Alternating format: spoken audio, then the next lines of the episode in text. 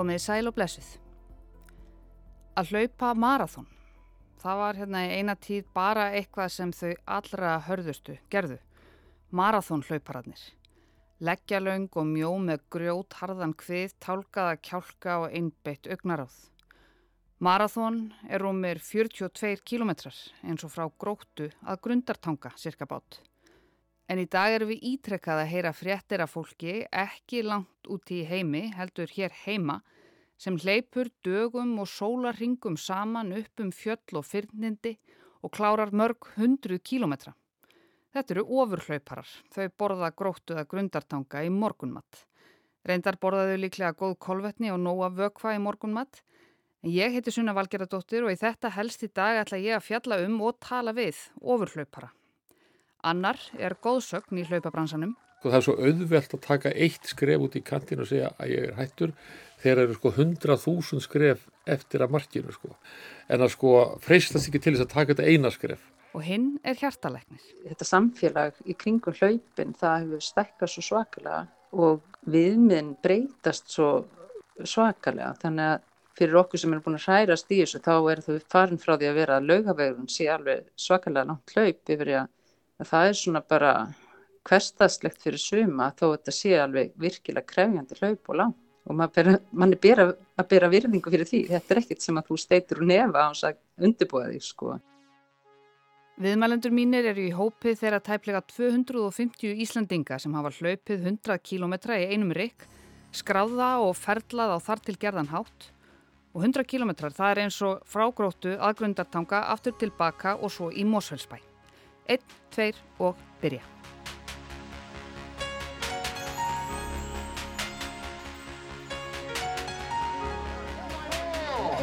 Three, two, one,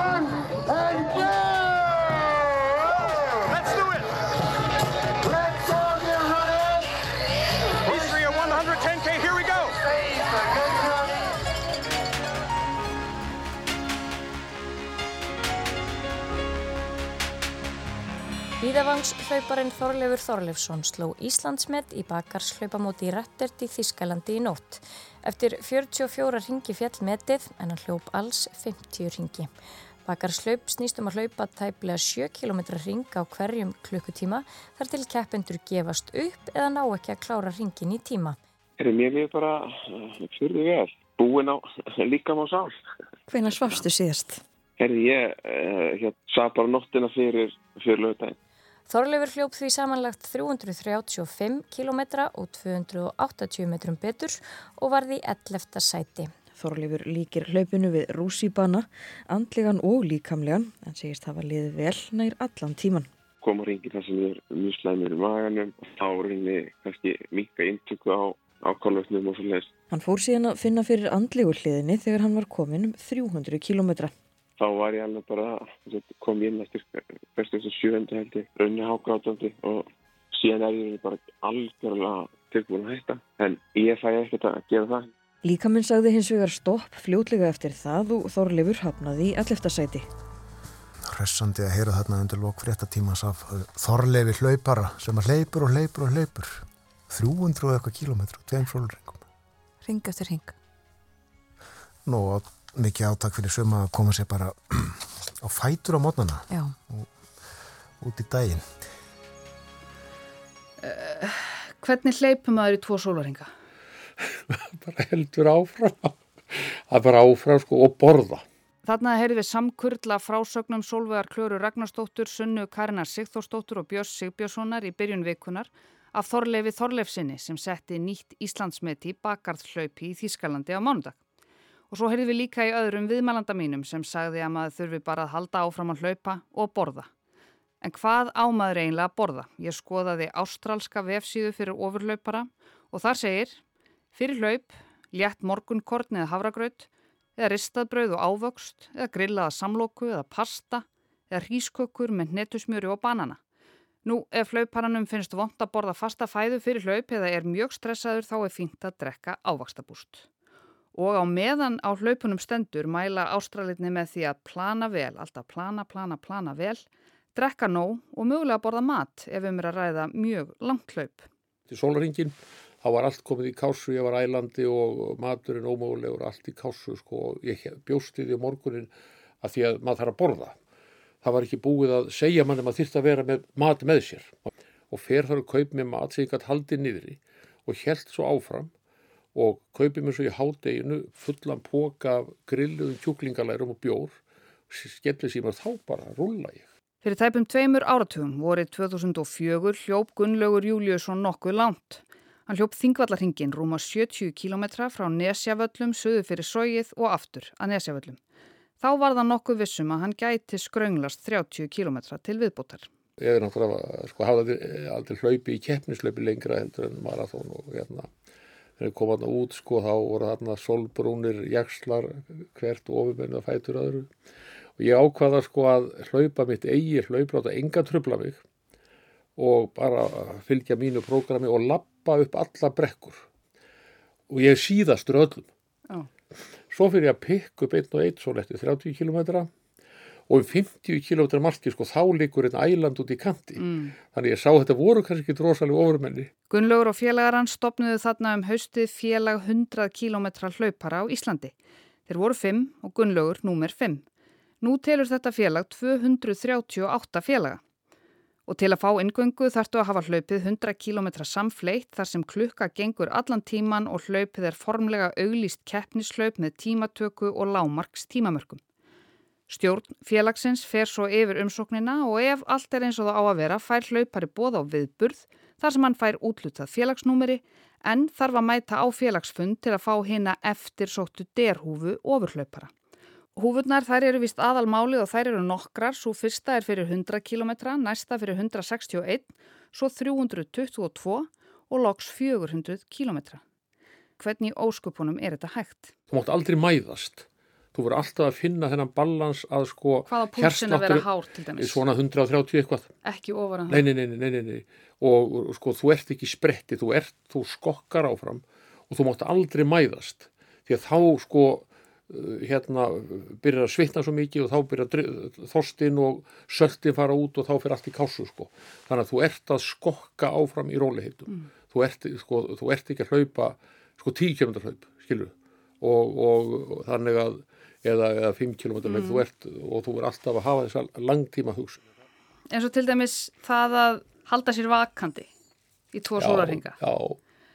Maður er ekkert upp á sitt besta Nei. þegar maður er ekki búin að sofa í tvo sólarhinga svo ég tali nú ekki um þegar maður er búin að hlaupa í tvo sólarhinga Sko þetta er mjög mismunandi millir fólks er ég alveg vissum hvaða þólir vel að missa svefn ég veit bara sko í sólarhinslaupi þá var fólk bara grátandi í gegnum nóttina. Bara ég var í símanum sko bara allt í kásu og ég vissi það að hérna þarna minnir að vera í þessu Thames Ring sko einn hafði lagt sig á bekk svo byrjar hann að hlaupa tilbaka þegar hann vaknar. Sko, oh, ver, verða alveg confused sko. Þannig að, þannig að æ, æ. Já, já, þetta, þetta er svona, svolítið svona sko. Já. eitt af þessu sem maður þarf að gera er sko að vera alltaf með hausin á fullu að reikna, spökulera og sko vera alltaf að, að, að hérna, halda sér gangandi sko í hausnum. Hvernig heldur maður sér gangandi í hausnum? Bara að reikna út hvað maður er búið með, hvað maður á ettir, hvað, hver meðalhraðin er og bara fókus fókus á hlaup á, á, á hlaupi, sko. ekki lefa huganum að nei, neða ekki vera að fara út á söður heldur bara að vera með bara sko Er þetta hlusta á eitthvað? Nei, aldrei, aldrei, aldrei. Nei, eða, batterín dugur trygg svo lengi sko nei, nei. ég gerða svolítið fyrst sko, svo hætti ég því bara Gunnlaugur hefur hlaupið lengst um 400 km Thames Ring hlaupið fyrir 10 árum þá var hann 62 ára Sko það er náttúrulega ótrúlegt hvað, hvað hægt er að hérna, þjálfa skrokkin upp í sko en auðvitað eru takmörk fyrir öllu sko. Ég heit Þórti Sjóna Rapptilsdóttir og er hjertalæknir á landsbytalanum. Og þú hleypur? Já, ég hef gert svolítið af því gegnum tíðina. Það er svona svolítið mitt, mín leið til að uh, ná endurheimt frá annars sem er starfi. Þórtís er fætt 65 og hefur hlaupið alla tíð, svona eins og gengur og gerist bara. Hún byrjaði í kringum 1995 að taka eins og eitt hálf marathón á ári og fannst það bara vel hæfilegt. Þið munið þarna í byrjun þegar talaði um marathónhlauparana og þá áru sem þeir höfðu yfir sér hér í einatíð. Hálf marathón var líka bara nokkuð gott og er mjög gott, glemum því ekki. Ég hef farið lengst, uh, það voru um 114 kílometrar með uh, kringum 6.000 metra uppsafnaðri hækkun. Ég var svolítið lengja því ég var rúma 25 klukkutíma á, á leiðinni. Að, að, hérna, það má líka stundum tala um því klukkutímum ekki bara kílometrum sko. En geta allir, eða flestir, hlaupið mörg hundruð kílometra með réttri þjálfun? Spyrjum læknin. Um, já, ég veit ekki hvort ég get fullist flestir, mm. en en ég bara mjög margir. Þú þarft náttúrulega að hafa, fyrir að fyrsta þarft að hafa gamna þessu og það sé svona þinn einbytti vilji að gera þetta því að hugurinn berði halva leið við þessar aðstæður. En mikilvægast er að hafa hausin í lagi því að skrokkur er latur til þess að sína sko skrokknum að það veri hausin sér í eði. Mm. Að, að sko byggja upp þennan svona sko styrk í hausnum að, að þóðu settur þau þreytur og þóði hlakki til að fara að kvíla þau þá er þetta ekki búið. Þú þarft að hafa lagt inn dæfingamagn og á þeim tíma gæta að hlutum eins og næringu sem er gríðarlega mikilvæg og uh, þú þarft að um, virða það ef að, ef að líkaminn segir stopp, geta tekið því að, að hætta. Það getur orðið þannig og það hefur gerst hérna á Íslandi í, í, á laugaveginum að sko fólk leipur fram úr sjálfum sér. Mm -hmm. Eitt er að fá svona sko eimsli í líði og hvað það var sko annað er það getur orðið próteinbreyting. Þannig að líka minn taki ekki við álægi. Þá ferðu sko þá smellur yfir einhver mörg sem að er jafnvel ekki tilbaka snúið með. En, en það eru auðvitað til rannsóknir á fólki sem hefur nýlokið svona löngum erfiðum hlaupum og það sína að, að þetta, það verða breytingar á líkamann, það verður niður, vöðvanniður brot, e, alveg klárlega. Í skemmunni leynist margt sniðugt eins og til dæmis lokaverkefni Helgu Þóru Jónastóttur til BS prófs í sjúkraþjálfun við læknadelt HÍ. Helga Þóra skilaði rittgerðinni 2015 og fjallaði hún um þreytu hjá ofurhlaupurum. En þar segir meðal annars Vinsældir ofurhlaupa hafa farið vaksandi síðallina áratugji viðsvegarum heim og markmið rittgerðarinnar var að taka saman þær rannsóknir sem hafa verið gerðar á þreytu í ofurhlaupurum og finna út hvers konar þreyta er til staðar hjá þeim. Líkamlegt og andlegt álag í ofurhlaupum er mikill og augurun á samvægi líkamanns. Þetta er vand með farin íþrótt sem krefst þekkingar, útsjónarsemi, skinnsemi og einurðar af hlauparnum sjálfum sem á þeim sem standunum næst. Helstu niðurstöður helgu í rítgerðinni á þreytu í ofurhlaupurum eru þær að þeir verða þreytir. Þeir geta ofittnað vegna veðurs, vökkvaskorts og hraðra efnaskipta, sumir örmagnast, blóðsikursfall getur sumleðis gerst, ójapvægi jónastyrk sem við líka mælst, vasseitrun og ofþórnun. Ég kom í marka sundarsmotni, sko, ég gæti ekki staðið upp uh, svona án vandraða fyrir á miðgudegi.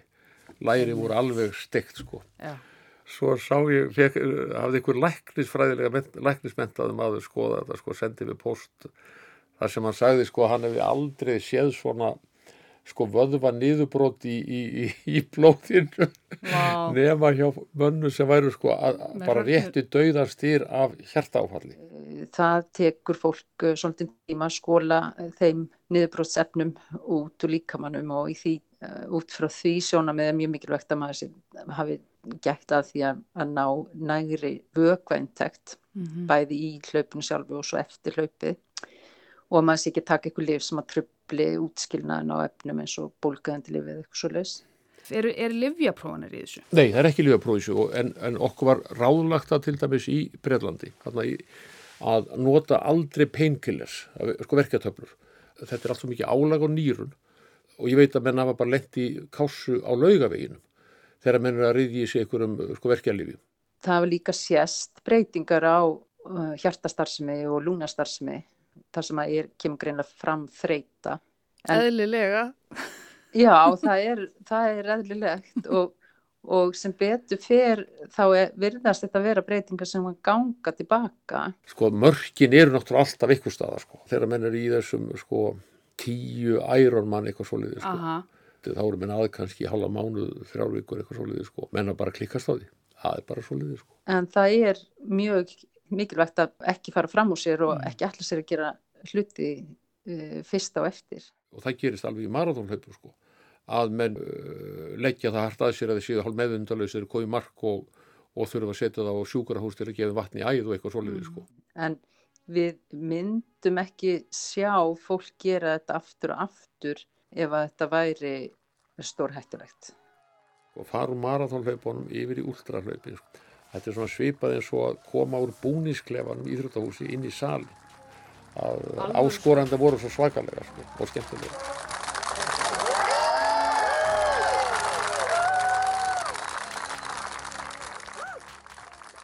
Þetta voru ofurhlaupararnir Gunnlaugur A. Júliusson og doktor Þórdís Jónar Rappkjellsdóttir sem hafa samanlagt hlaupið mjög, mjög margar ferðir á milli gróttu og grundartanga. En ég heiti Sunna Valgerðardóttir og þetta var helst þátturinn um ultramarathón hlauparana sem fjölgar ört. Takk fyrir að leggja við hlustir og þá sérstaklega langar mig að þakka þeim sem voru að hlusta á hlaupum. Heyrum startur á morgun.